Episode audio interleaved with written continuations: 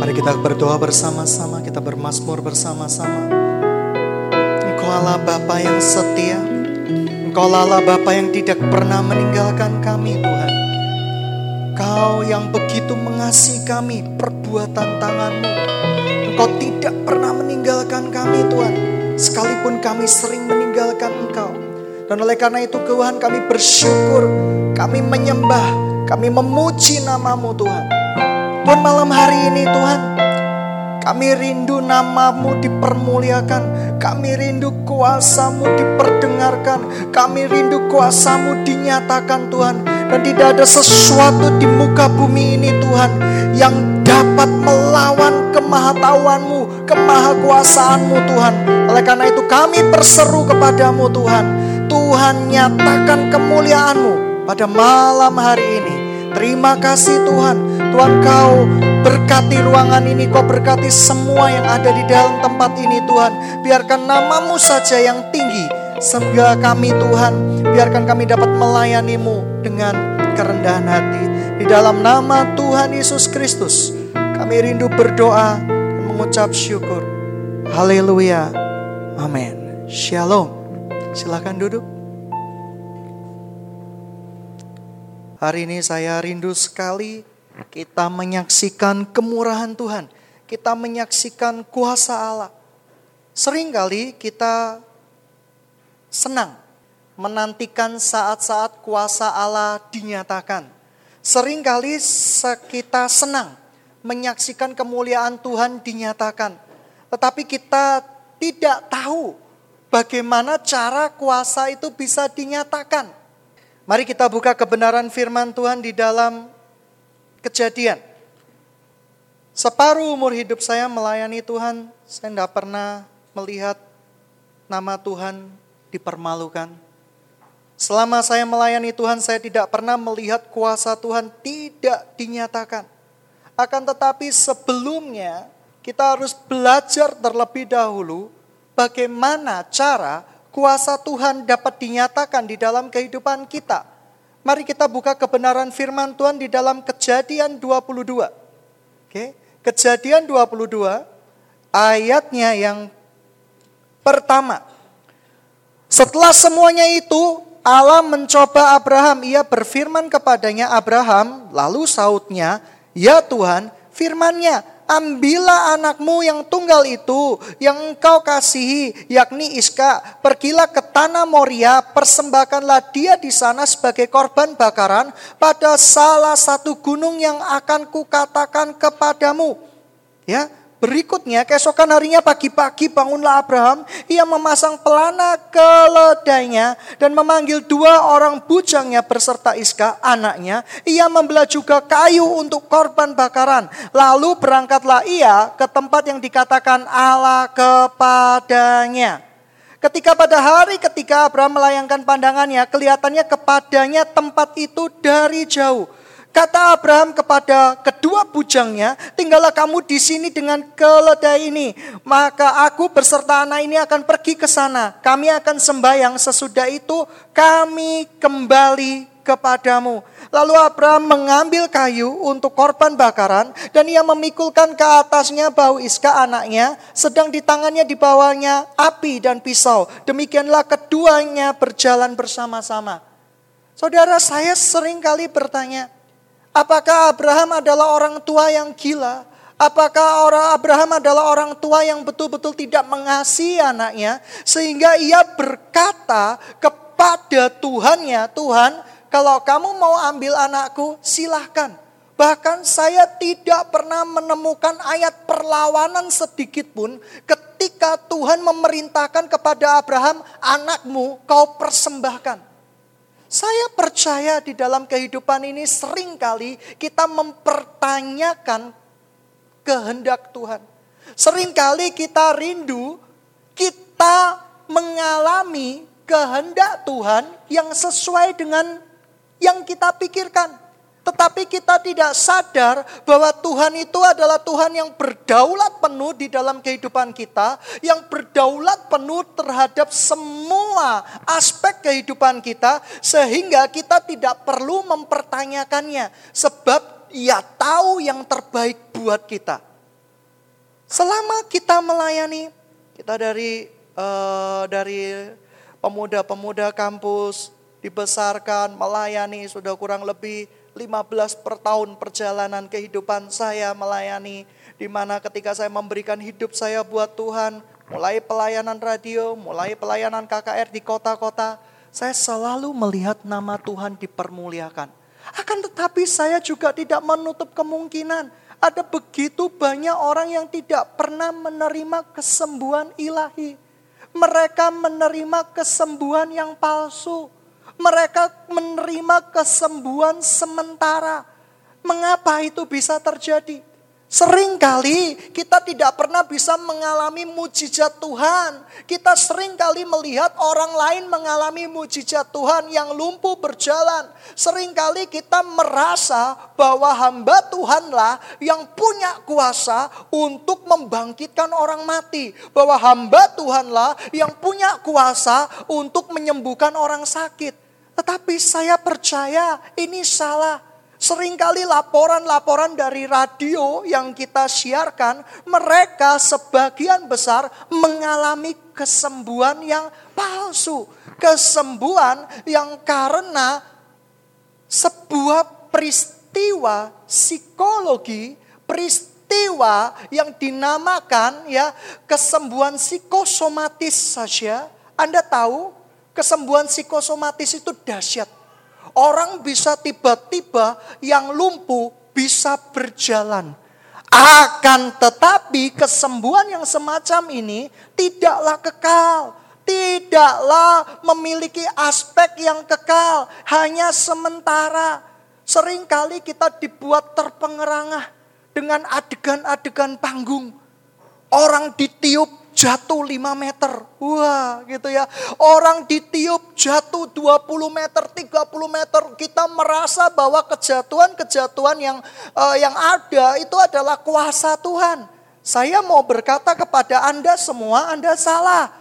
Bahwa Tuhan tidak pernah melakukan seperti itu dan harus sama kepada setiap orang. Akan tetapi kadang kita didukung oleh suasana Orang banyak ribuan. Oleh karena itu ada lagu-lagu yang demikian kuatnya. Sehingga kita terbangun suasana kita untuk merasakan kesembuhan ilahi. Dan sering kali itu yang saya terima dari pelayanan radio. Mereka menelepon dan berkata, Bapak pendeta, saya sudah datang ke puluhan kali KKR. Kok di sana sembuh? Dan setelah saya pulang, saya tidak merasa sembuh. Katanya Bapak Pendeta, waktu itu di sana saya beriman. Lalu setelah pulang, iman saya tidak ada lagi. Lah, sering kali kita menerima hal-hal seperti itu, kebenaran-kebenaran yang sebenarnya bukan kebenaran. Oleh karena itu hari ini saya mau menceritakan ada satu kunci, ada satu rahasia untuk menerima kesembuhan ilahi. Begitu banyak pelayanan radio yang kami layani. Kami tidak pernah melihat orangnya. Kami tidak pernah melihat siapa orangnya. Oleh karena itu Tuhan lembutkan hati kami, Tuhan murnikan hati kami untuk melayani dengan sungguh-sungguh. Begitu banyak peristiwa-peristiwa rohani yang terjadi. Orang mati pernah dibangkitkan. Orang yang tidak punya jempol, jempolnya bisa tumbuh. Dan itu ada fotonya. Kalau zaman dahulu tidak ada BBM. Dua tiga tahun lalu. Tidak ada. Tetapi ada pelayanan yang namanya MMS. Ya kan? Ya jadi istilahnya difoto terus dikirimkan ke sebuah handphone. Dan akhirnya di handphone itu terima jempol dengan uh, daging yang baru. Begitu banyak kuasa yang terjadi. Tetapi saya juga melihat begitu banyak permohonan doa yang berulang-ulang sampai dua tahun kita mengudara tidak kunjung juga dipulihkan. Lalu apa yang salah?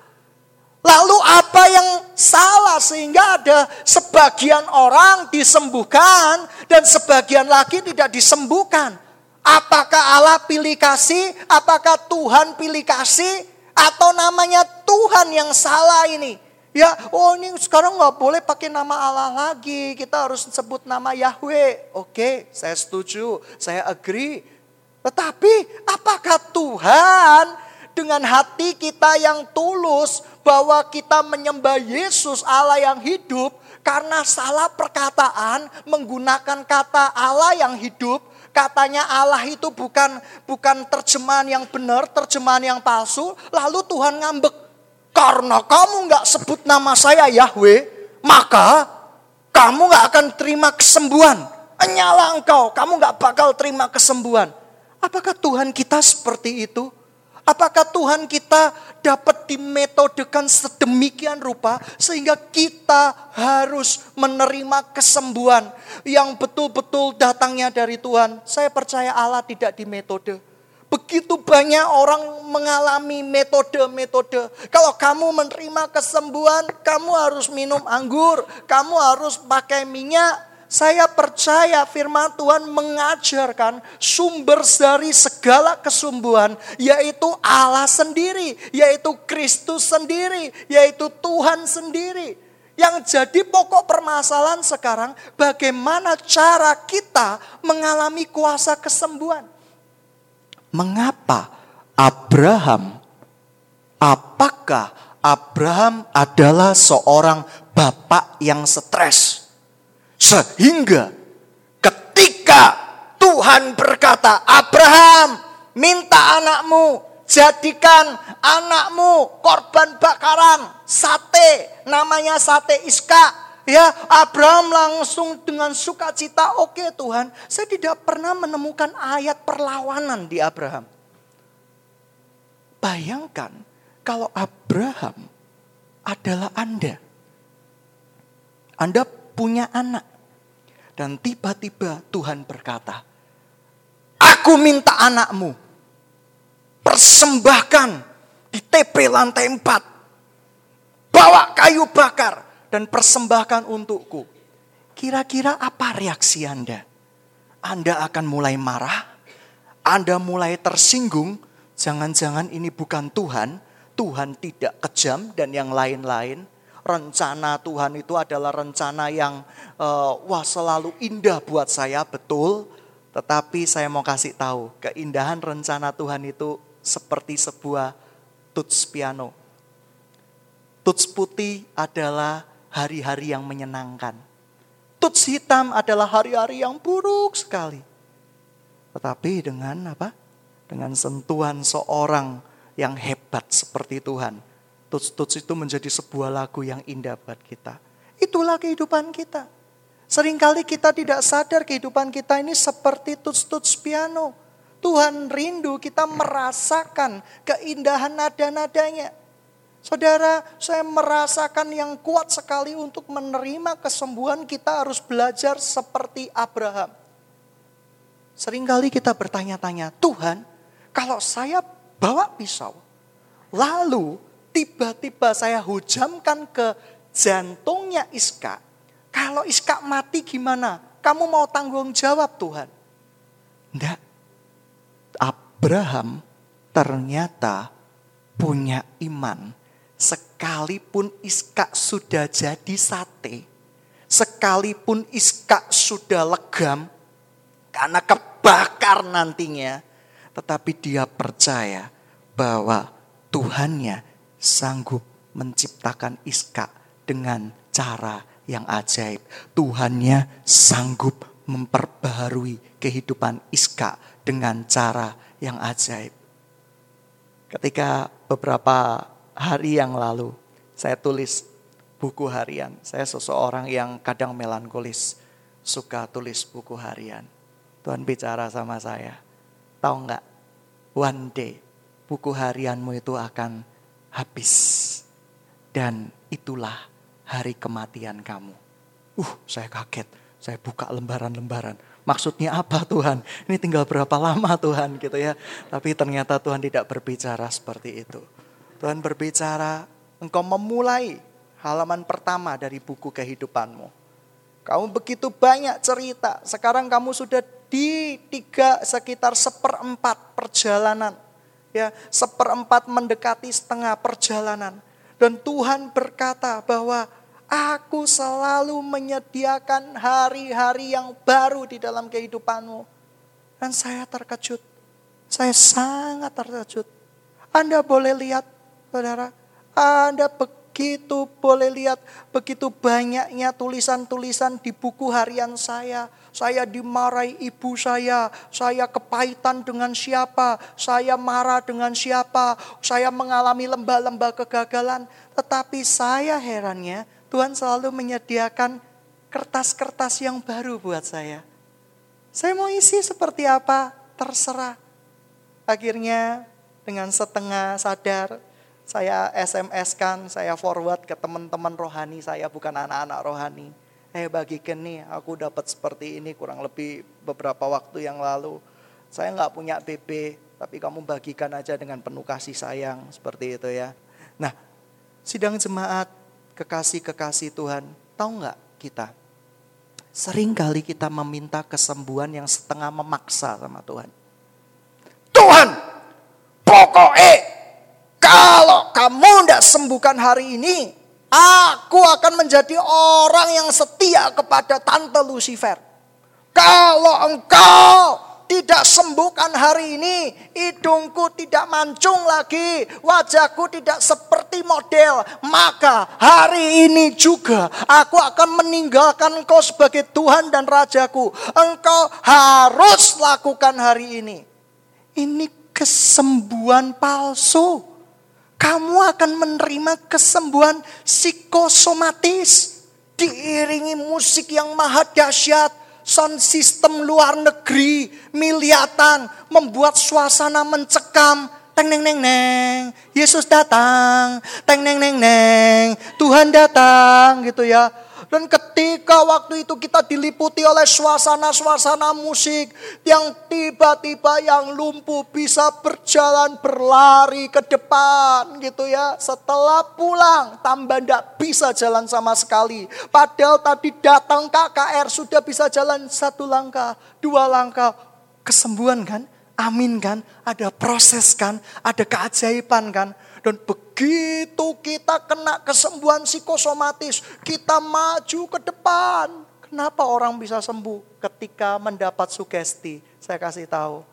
Karena ketika kita disugesti, para ahli menemukan bahwa di otak kita ada semacam sat yang ketika kita disugesti satnya itu seperti morfin. Pereda nyeri, tingkat tinggi. Tidak perlu panadol 50. Tetapi dengan sedikit disugesti tiba-tiba oh melayang-layang. Tetapi ketika saat itu sudah selesai, kita nggak akan pernah ngerasain kesembuhan. Mengapa? Karena orang datang ke gereja cari kesembuhan, bukan cari Tuhan.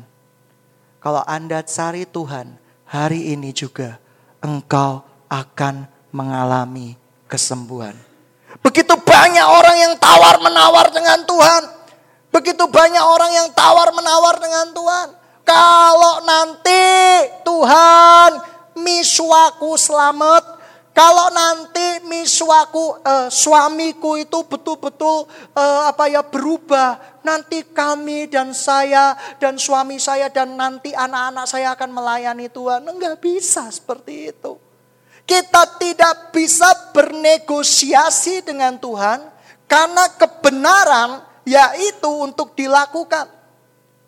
Saya begitu banyak mengalami masalah-masalah kehidupan. Saya paling susah dosa yang namanya mengampuni. Dari dulu saya paling susah dengan kata mengampuni karena kehidupan saya dahulu keras bukan main. Sehingga saya tidak bisa dengan kata mengampuni. Tapi perlahan-lahan Tuhan ajarkan, walau susah, walau penuh air mata, walau saya harus mengalah dahulu. Tetapi saya mau kasih tahu, kesembuhan dari Tuhan adalah proses ilahi yang pasti dikerjakan Tuhan bagi orang-orang yang mencintai Dia. Sekali lagi kita baris bawahi, kesembuhan adalah proses ilahi yang pasti dilakukan oleh Tuhan kepada kita yang mengasihi dia, yang mencintai dia. Dan saya mau kasih tahu sidang jemaat yang dikasih Tuhan. Tuhan tidak pernah gagal. Tuhan tidak pernah salah. Waktu KKR di Magetan, waktu KKR di Kediri, ratusan orang datang. Waktu KKR di Surabaya Trade Center, ribuan orang datang. Begitu banyak saya lihat motivasi kedatangan mereka. Ada yang melihat, kepingin melihat kesembuhan spektakuler. Diizinkan sama Tuhan. Ada yang lumpuh, bisa jalan.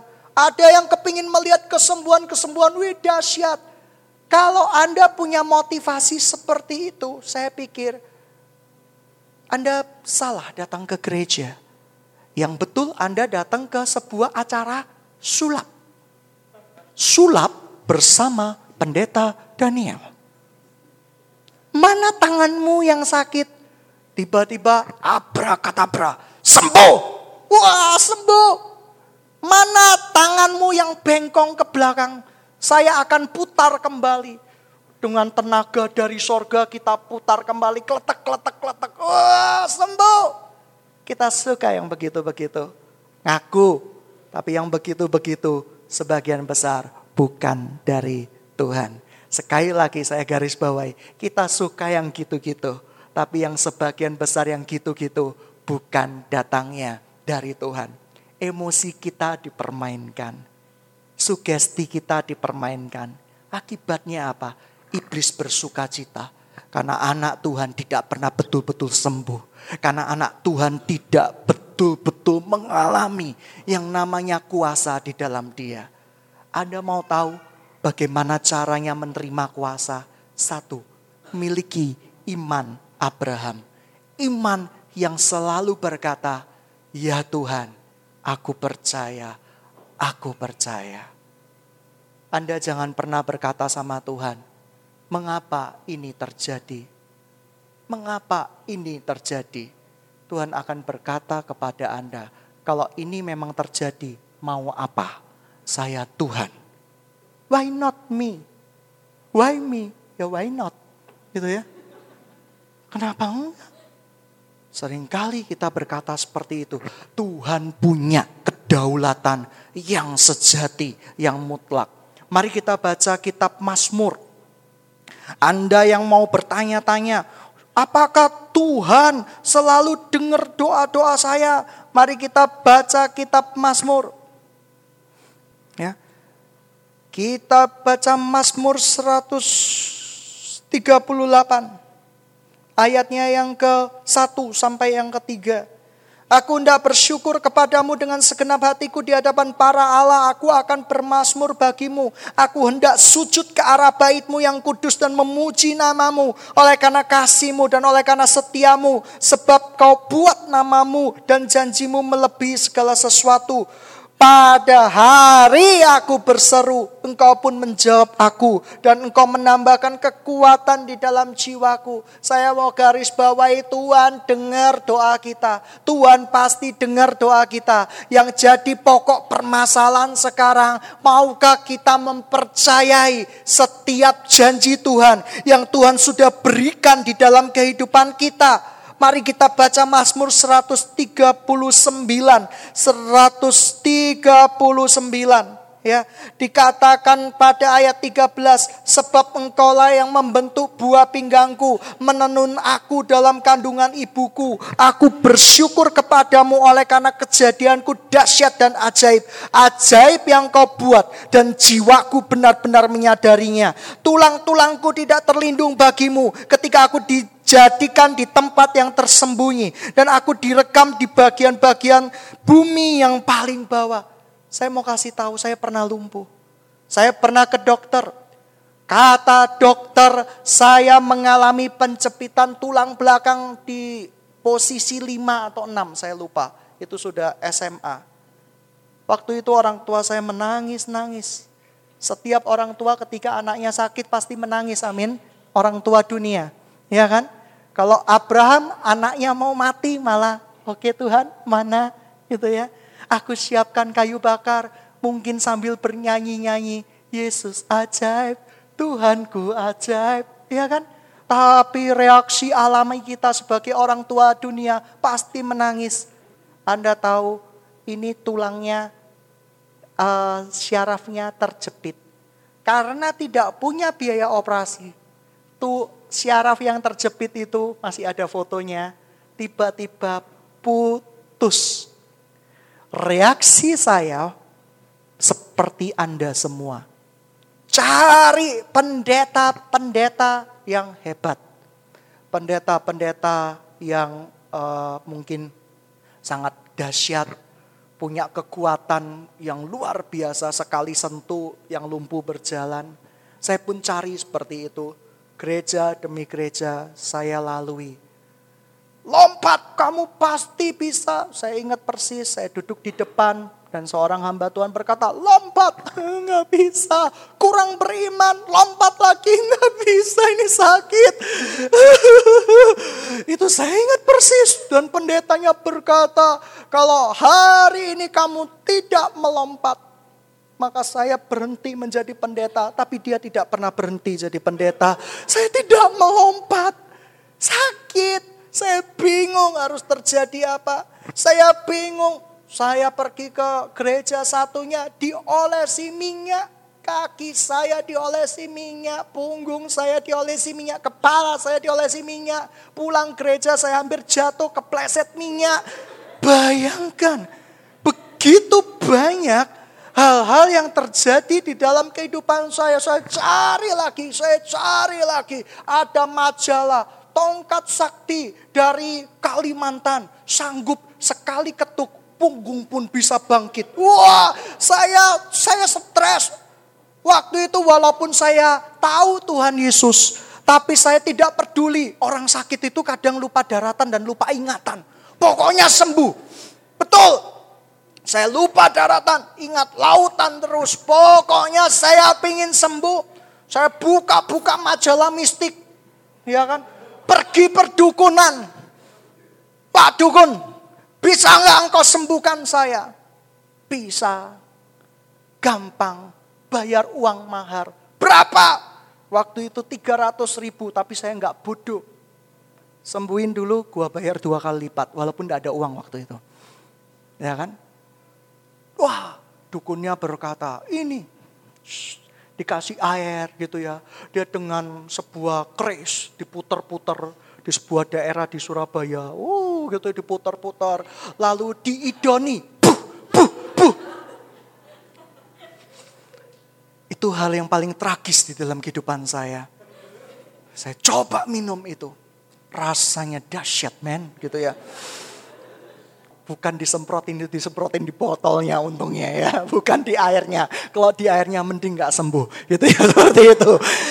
Nah waktu itu saya coba minum. Terjadi kesembuhan? Tidak. Orang dengan mudah menyatakan bahwa kalau kita kesembuhan psikosomatis gampang, ya kan orang mah, orang mah itu paling gampang sembuh kalau di KKR. Kenapa? Sukacita, wih tepuk tangan gitu ya. Setelah itu pulang dari KKR, grok, mahnya enak. Yesus sembuhkan. Memang Yesus ada campur tangan. Tetapi sebagian besar campur tangannya lebih banyak pendetanya. Ya kan? Karena lebih banyak pendetanya, kesembuhan itu dari pendeta. Yesusnya mek dikit sekali. Oleh karena itu tidak pernah sembuh. Dan hari ini saya mau kasih tahu. Anda kalau datang untuk menerima kesembuhan dari hamba Tuhan, Anda bodoh. Seperti itu ya. Dan saya mau kasih tahu bahwa Yesus yang sanggup memulihkan hidup Anda. Ketika saya lihat waktu KKR di WTC, saya ingat ada seseorang yang maju ke depan dan berkata, saya kena kanker, bukan kantong kering, tapi betul-betul kanker. Saya berkata, maukah kamu sembuh? Dia berkata, aku percaya aku berserah penuh. Kita doakan. Tidak terjadi apa-apa. Anda mungkin mengharapkan kejadian, ini kankerku tiba-tiba wih hilang gitu ya. Dia ada kanker di daerah sem, uh, sekitar dada. Begitu seperti daging. Dia minta nomor telepon saya, saya kasih nomor telepon saya. Dan besoknya dia bersaksi bahwa Tuhan sudah menyembuhkan saya. Terima kasih kepada Tuhan. Saya senang sekali. Dia selalu mengakhiri kata terima kasih kepada Tuhan. Tapi begitu banyak orang yang juga mengirimkan pesan waktu pelayanan radio. Bapak kan hamba Tuhan yang hebat. Kalau doa pasti didengarkan Tuhan. Oleh karena itu Bapak Pendeta, saya percaya Bapak Pendeta akan dipakai Tuhan untuk memberikan kesembuhan. Orang-orang yang seperti itu saya amati kesembuhannya cuma sementara. Hari ini, kalau saya hari ini mau bukakan kebenaran firman Tuhan, dan nanti Anda akan mengalami yang namanya pemulihan datangnya dari Tuhan. Saya mau tanya, Anda siap berubah atau tidak? Anda siap berubah atau tidak? Atau Anda hanya kepingin cuannya dari Yesus. Kepingin keuntungannya dari Yesus. Atau Anda betul-betul ingin mengikut Yesus. Anda pilih yang mana? Kalau Anda kepingin kejadian-kejadian kesembuhannya Anda aja salah. Anda boleh tanya adik-adik saya. Saya orang yang sifatnya sangat-sangat-sangat keras. Tuhan rubahkan saya 180 derajat tidak, masih 150 derajat. Kadang 30 derajatnya masih kambuh di saat-saat tertentu. Tapi tidak pakai lama, besoknya sudah sadar. Tetapi itulah saya Tuhan merubah hidup saya di dalam proses yang ajaib. Dan saya menyukai setiap proses Tuhan. Saya menyukai setiap proses yang datangnya dari Tuhan itu begitu indah dan saya rindu nanti saya akan tutup ke kitab kehidupan saya dengan sebuah catatan. Yaitu Tuhan yang kasih tanda tangan. Selesai. Bukan iblis yang kasih tanda tangan. Lewat sakit penyakit, lewat kecelakaan, lewat kejadian-kejadian aneh. Dan iblis tanda tangan. Selesai anda mau mengakhiri hidup Anda dengan selesai dari Tuhan atau selesai dari iblis atau Anda menyelesaikan diri Anda sendiri dengan cara bunuh diri. Aku gak kuat, aku gak kuat untuk hidup. Sidang jemaat yang dikasih Tuhan, hari ini Tuhan berkata, kalau Anda percaya kepada Tuhan, kejadian-kejadian ajaib akan terjadi. Hari ini juga, besok, lusa, seminggu, sebulan, tapi Anda akan mengalami, Anda akan teriak sama Tuhan, Tuhan, sungguh aku lihat prosesmu yang ajaib. Tapi maukah kamu disembuhkan terlebih dahulu? Maukah kamu disembuhkan dari kebebalan rohanimu untuk mengikut Yesus? Saya begitu banyak mendapat dari Tuhan. Seringkali saya berkata pada satu anak rohani, ayo sini. Tuhan bilang A, B, C, D, Z. Ya, Kak, ya Ko, ya Pak. Lalu dia berkata, saya mau lakukan. Sungguh dia melakukan. Malam-malam uh, saya doa tentang dia. Dan Tuhan berkata, dia tidak pernah melakukannya untuk aku. Sekalipun aku mengasihi dia, aku tidak akan pernah bisa memberkati dia secara penuh. Mengapa? Karena dia lebih mempercayai dorongan hatinya ketimbang kata-kata Tuhan. Dengarkan sekali lagi. Seringkali kita ditegur sama Tuhan. Kita nggak pernah melakukannya penuh. Kita menganggap Tuhan kan penuh kasih sayang. Kita meneruskan keinginan kita. Tuhan masih sayang sama kita nggak? Masih. Masih cinta nggak? Masih cinta. Tapi jangan harap engkau menerima berkat-berkat yang terbaik datangnya dari Tuhan. Dan engkau nggak akan pernah bisa walaupun memintanya kelak dengan air mata. Sidang jemaat yang dikasih Tuhan. Hari ini saya mau bercerita tentang sebuah kisah. Tahun ini Tuhan berkata kepada saya, kamu tahu nggak? Tahun ini adalah tahun pembebasan rohani buat gereja di tempat ini buat kota Surabaya dan kota di negeri di Indonesia.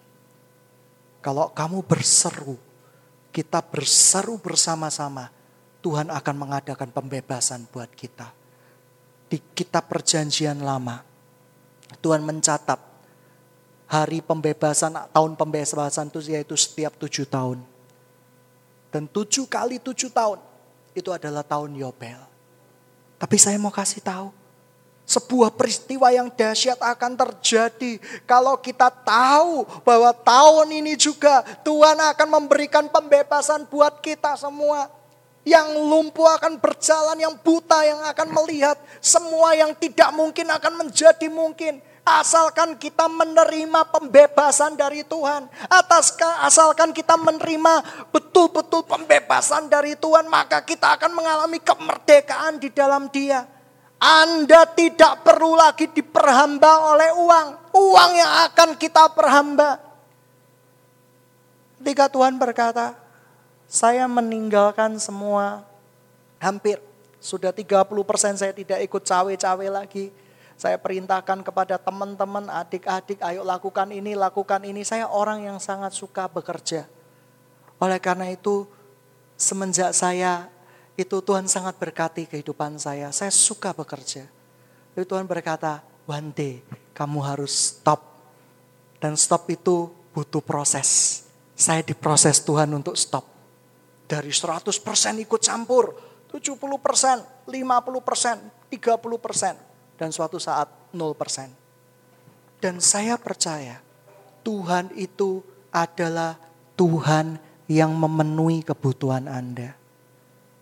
Sewaktu saya berkhotbah, saya rasakan ada yang kalian datang karena semua sebuah peristiwa kehidupan yang namanya duit. Ada yang Anda datang dengan sebuah peristiwa kehidupan yang namanya minta kesembuhan. Begitu banyak orang yang tidak tahu kasih karunia Tuhan. Manusia diperbudak oleh keinginannya sendiri Manusia tidak percaya bahwa Tuhan itu sanggup memulihkan dengan caranya yang ajaib. Saya dulu seorang driver. Saya suruh seorang koki. Tapi begitu saya dipulihkan, saya tiba-tiba punya kemampuan berbisnis. Bisnis saya dulu kotor sekali. Ngomongnya marketing, super marketing. Saya bisa jual coklat menjadi harga emas. Itu kedahsyatan kata-katanya. Alias ngibul. Tapi Tuhan proses saya, proses saya, proses saya, proses saya. Sekarang saya cuma berkata, Bu, Pak, Anda mau beli rumah, kelemahannya satu, strukturnya seperti ini. Mau beli enggak? Oh enggak apa-apa, saya mau beli. Hah? Saya bingung. Tapi ya bukan sampai rumahnya roboh, tidak. Saya ceritakan kondisinya apa adanya. Tuhan sanggup memberkati kita dengan cara yang ajaib. Ketika saya tidak punya apa-apa, ketika saya jadi sopir bemo pernah, ketika saya jadi tukang masak pernah, di waktu perkuliahan saya, dan yang terakhir, Tuhan pulihkan kehidupan saya. Sekarang saya bisa memberkati kehidupan orang tua saya. Dulu saya tidak punya rumah. Rumah ngontrak, rumah adalah rumah mes dari perusahaan. Tapi sekarang puji Tuhan, adalah beberapa rumah yang dikasihi Tuhan luar biasa. Saya mau kasih tahu, kalau Tuhan bisa ubah kehidupan saya yang mungkin jauh lebih buruk dari Anda, kelakuan saya. Apalagi Anda. Kita ini dicintai Tuhan loh. Tahu nggak di dalam firmannya dikatakan apa? Sebelum kamu ada di kandungan ibumu, dalam kandungan ibumu aku mengenalmu. Aku mengerti engkau. Itu cinta Tuhan sama kita. Dan Tuhan berkata, aku menetapkan masa depan yang penuh pengharapan buat engkau. Kita mungkin punya hari-hari yang buruk.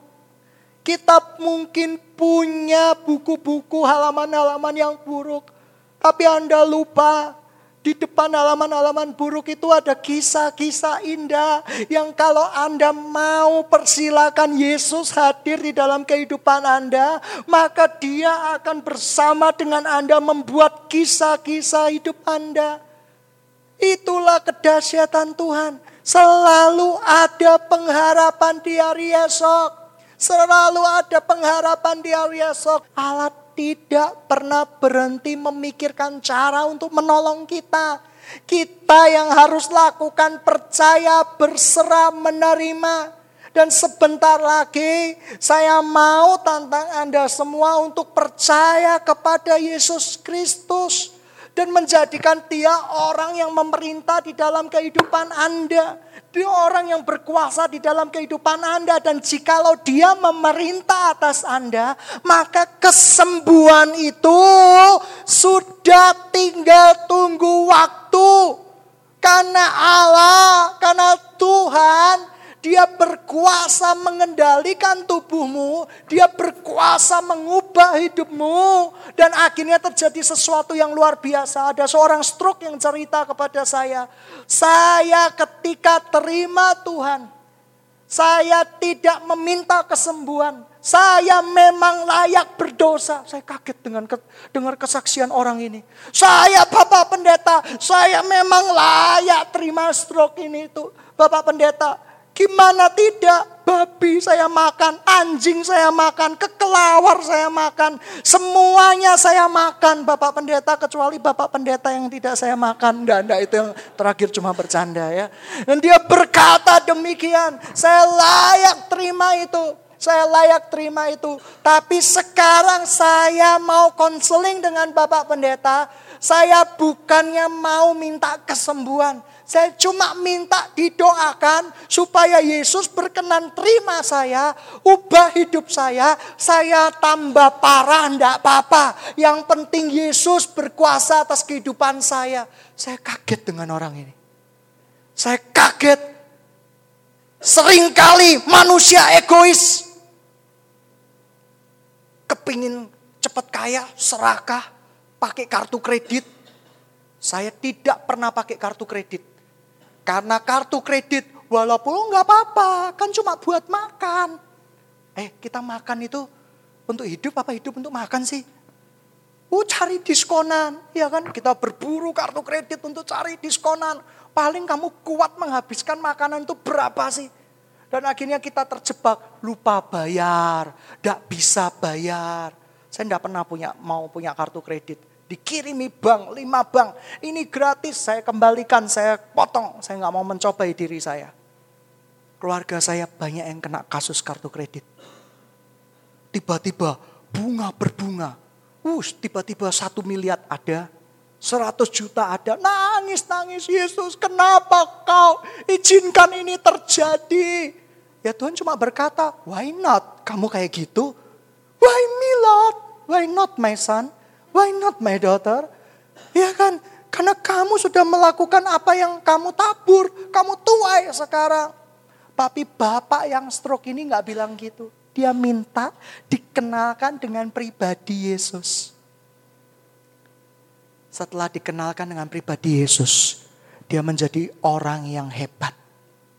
Pagi-pagi saya di SMS. Jam 3 pagi, pendeta belum doa dia sudah doa. Bukan saya bangunkan dia, dia yang bangunkan saya. Di SMS terus menerus di sebuah nomor starwan saya yang sudah punah. Gitu ya seperti itu. Oh, di SMS terus penerus. Wah, ayo, ayo, saya lagi doa. Tuhan ngomong sama saya, dia bertekuk lutut. Wah, bisa, kakinya nggak bisa bertekuk, saya sudah bisa bertekuk lutut. Dan akhirnya apa? Terjadi mujizat. Tidak sampai satu tahun, Bapak ini pulih seperti sedia kala. Ajaib enggak? Ajaib. Ada seorang stroke, saya panggil seorang prayer di tempat ini. Dia ayah adalah ayah dari seorang teman kita. Kita pergi ke rumah sakit. Saya berdoa, bapaknya ini belum kenal Tuhan, mau mati. Mungkin yang ikut sama saya tahu kisahnya, mau mati. Sudah jantungnya tinggal fungsinya tinggal 10 persen. 10 persen itu ya apa ya? Mungkin ngentut saja sudah langsung dut gitu ya seperti itu saya nggak ngerti. Istilahnya gimana? Saya bingung. Saya tidak mungkin berkata bangkit dan berjalanlah. Tapi Tuhan berkata sama saya, berdoalah supaya aku memasuki dunia rohnya. Aku akan berkhotbah buat dia. Kita cuma doa. Doa-doanya sederhana kok. Kita tumpang tangan. Mata selalu melihat kenyataan. Feeling saya mati ini pasti. Karena mata. Oleh karena itu doa harus tutup mata supaya tidak melihat kenyataan. Ya kan? Kalau Anda doa dengan membuka mata, Anda akan melihat kenyataan dan Anda semakin sulit untuk percaya. Saya tutup mata waktu itu, saya usahakan tutup mata. Karena bukan doa penyembahan. Saya kalau doa penyembahan itu buka mata supaya nggak ngantuk, supaya tidak uh, tidak terjadi yang namanya tertidur di dalam roh, gitu ya. Oh, saya menyembah Tuhan tuh sambil buka mata, sambil kadang uh, membasuh dengan membasuh dengan air supaya tetap segar. Tetapi kalau mendoakan orang sakit, saya harus tutup mata. Kalau lihat keadaannya cenderung berkata, wis, adalah doa pelepasan dia aja lah dari bumi ke sorga, gitu aja lah. Dan itu yang terjadi saya tutup mata Tuhan, saya nggak mau lihat keadaannya. Gimana? Semuanya udah koma, biru semua. Dan akhirnya Tuhan cuma berkata, bukakan, berdoa supaya keluarganya untuk percaya kepada saya doakan buat adiknya. Percaya ya sama Tuhan? Ya percaya kita doa sama-sama. Doa sama-sama. Dua hari kemudian dia datang ke rumah saya. Dua hari. Dia cuma berkata, dengan dituntun. Dia berkata saya ko walaupun dia sudah tua. Ada yang dahsyat. Saya waktu mimpi, saya mimpi. Saya didatangi Tuhan Yesus. Saya teriak-teriak, saya diinjili sama Tuhan Yesus. Dan saya bangun, saya mau kenal Tuhan Yesus. Puji Tuhan. Saya puji Tuhan, dia diimpi intang Tuhan. Kalau diimpi intang saya, mati pasti. Amin. Amin. Karena Tuhanlah yang sanggup memulihkan. Tuhanlah yang dahsyat yang sanggup memulihkan. Ada orang yang berkata lagi, ini saya akan tutup dengan kesaksian-kesaksian. Ada orang yang utangnya ratusan juta. Dia berkata kepada saya, sanggupkah Tuhan untuk memulihkan kondisi perekonomian saya? Saya berkata, sanggup. Tapi Maukah engkau menuai bersama Tuhan perbuatanmu yang sudah kau tabur? Dia tidak mau. Dia tidak mau. Saya konselingin lagi. Dan yang terakhir saya bilang kayak gini. Anda meminta Tuhan Yesus untuk menjadi pembayar hutang-hutang Anda. Anda meminta Tuhan Yesus menyembuhkan semua sakit Anda dia itu Tuhan Anda atau dia itu kacung Anda. Dia kaget. Saya keras kalau ngomong. Kamu tidak pernah mau dipulihkan. Kamu jangan hubungi saya karena sudah sangat mengganggu. Hampir tiap satu jam dia SMS saya. Yesus tolong, Yesus tolong. Ya saya bukan Yesus kok gitu loh. Saya nggak bisa tolong, saya bantu doain saja. Santai-santai saja saya sebagai hamba Tuhan. Tapi yang terakhir saya tidak terima. Emosi kudus saya muncul. Bapak kalau seperti itu terus, Bapak tidak akan pernah pulih. Apa yang Bapak punya? Tulis. Saya masih punya rumah, masih punya rumah. Utang Bapak berapa? 1 M. Rumah Bapak kalau dijual berapa? 600. Jual. Tinggal di mana? Saya nggak mau tahu. Jual. Terus Bapak punya apa lagi? Saya punya satu mobil. Apa mobilnya? Saya nggak bisa sebut merek, tapi mahal. Sekitar uh, ya kelasnya kelas Jepang yang mahal. Dia jual 200 juta. Pak, sudah 800 juta. Tinggal 200 juta Bapak punya simpanan emas kawin enggak? Uh, enggak boleh. Ini adalah cincin pernikahanku. Dua menjadi satu. Waduh, so sweet gitu ya. Tapi Tuhan enggak butuh itu gitu ya. Seperti itu. Uh, saya berkata, jual. Tuhan bisa gantiin dengan cincin yang lebih besar sebesar hula hoop kalau Bapak tobat. Akhirnya dia jual sekitar kalau nggak salah kurang 25 juta. Saya cuma bilang sama bapaknya, Pak masih ada yang belum dijual. Ini orang pengusaha, cengeng tapi. Apa Tuhan ingatkan saya? Jam yang Bapak pakai itu Rolex asli. Saya saya tidak melihatnya. saya gak bilang Rolex, sorry, sorry, sorry. Saya cuma dapat bapak yang uh, jam, sudahlah, yang bapak punya itu asli, ya kan. Biasanya yang asli kan mahal Rolex, saya nggak dapat sih, coba saya asal sebut saja Rolex, dia kaget. Pak, ini kebanggaan saya, ini orang sudah mau ketutup utang masih perlu kebanggaan lagi. Saya berkata, jual Bapak, jual. Saya nggak tahu caranya gimana dia menjualnya, tapi masih sosok 25 juta. Dia berkata, saya sudah bangkit kembali Pak. Saya punya rumah tipe 60, saya punya sepeda motor, saya punya keluarga yang bahagia. Terima kasih kepada Tuhan, saya senang orang merasa bahwa sebenarnya Tuhan tuh berkata seperti ini. Aku kalau mau tolong kamu, kamu harus pasrah sama aku. Enak aja, utang gak mau bayar. Enak aja, kita datang dia masih punya rumah ratusan juta, mobil ratusan juta. Bertekuk lutut di depan mimbar dan minta emas dari sorga dilemparkan dan ada di tangannya. Dan tiba-tiba, oh pulih, dan dia meminta pertamanya doa supaya orang yang menagih hutan itu dilembutkan sama Tuhan. Dan Tuhan sudah melembutkannya bertahun-tahun. Saatnya Tuhan memberikan amarah yang kudus kepada orang yang memberi utang itu. Dan dia diancam untuk dipenjara. Karena sudah tipu. Ya kan gironya digirokan itu selalu kosong. Tidak ada uangnya. Saya cuma berkata, apa yang ada sama kamu? Tuhan bisa pakai untuk pulihkan kamu. Kita selalu berkata sama Tuhan, Tuhan aku tidak bisa. Tuhan selalu berkata, apa yang ada padamu sekarang. Mungkin Anda berkata, aku punya banyak utang kartu kredit. Tuhan berkata, kamu punya apa sekarang? Tuhan, mobil, kamu bisa naik bemo. Di bemo banyak kejahatan, kamu bisa daftar jadi supir bemo. Saya serius. Tuhan, saya punya masalah dengan utang di bank. Saya punya masalah bayar hutangmu. Tuhan akan pulihkan kamu. Sidang jemaat yang dikasih Tuhan, saya mau tutup dengan sebuah ayat. Dan kita nanti akan masuk ke dalam penyembahan. Dan kita akan belajar mengerti tentang kasih Tuhan. Saya tutup dengan ayat Lukas 16. Ayatnya yang ke-15. Tidak usah dibuka, saya baca saja. Lalu ia berkata kepada mereka, kamu membenarkan diri di hadapan orang, tetapi Allah mengetahui hatimu. Sebab apa yang dikagumi Allah, dibenci. Apa yang dikagumi oleh manusia, dibenci oleh Allah. Tuhan tahu hatimu. Tuhan tahu hati saya. Mari kita tundukkan kepala kita masing-masing. Malam hari ini, Ketika Anda mencari wajah Tuhan, kesembuhan itu sesungguhnya akan menjadi milik Anda.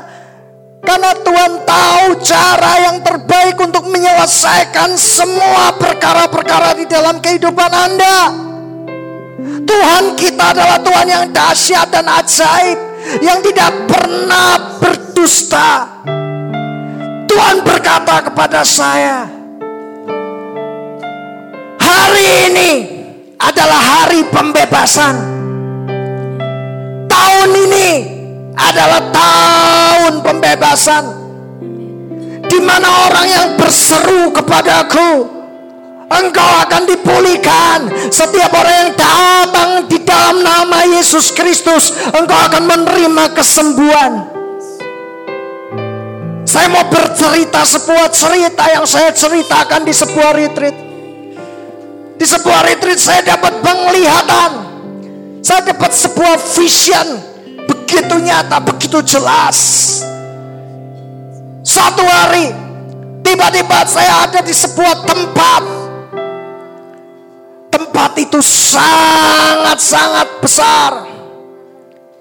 Ternyata berbicara zaman di mana tahun Yobel itu terjadi, tahun pembebasan itu terjadi.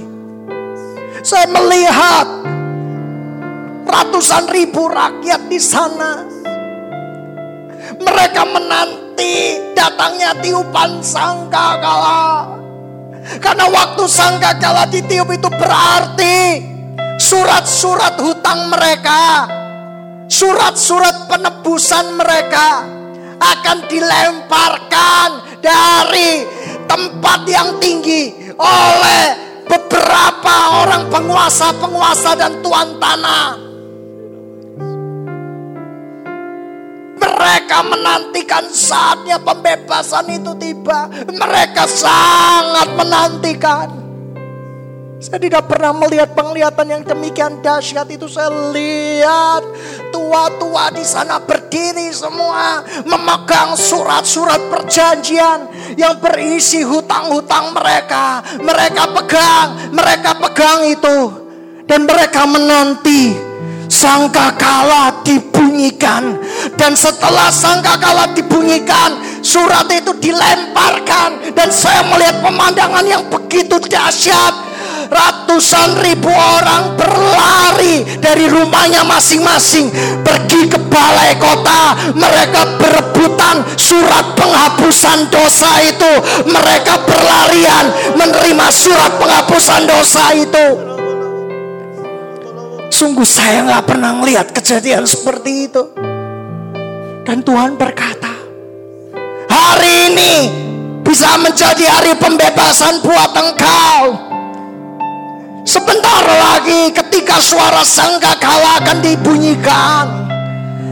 Ketika sebentar lagi suara sangkakala rohani akan dibunyikan di tempat ini. Anda yang punya masalah, Anda yang terluka, Anda yang berbeban berat, Anda yang butuh Yesus, Anda akan terima pembebasan Syaratnya mudah. Syaratnya mudah. Maukah engkau percaya kepadaku? Maukah engkau sungguh-sungguh yakin dan percaya kepadaku? Saya tunggu waktunya. Saya tunggu waktunya Tuhan menyatakan kemuliaannya sehingga ketika Anda pulang dari tempat ini, Anda bisa bawa surat pembebasanmu. Engkau merobek-robek dan berkata, cukup sudah iblis, cukup sudah. Aku tidak mau diperbudak dosa oleh engkau. Aku tidak mau diperbudak dosa dengan keinginanmu. Dan kita cuma bisa berseru betapa dahsyat dan ajaibnya dia.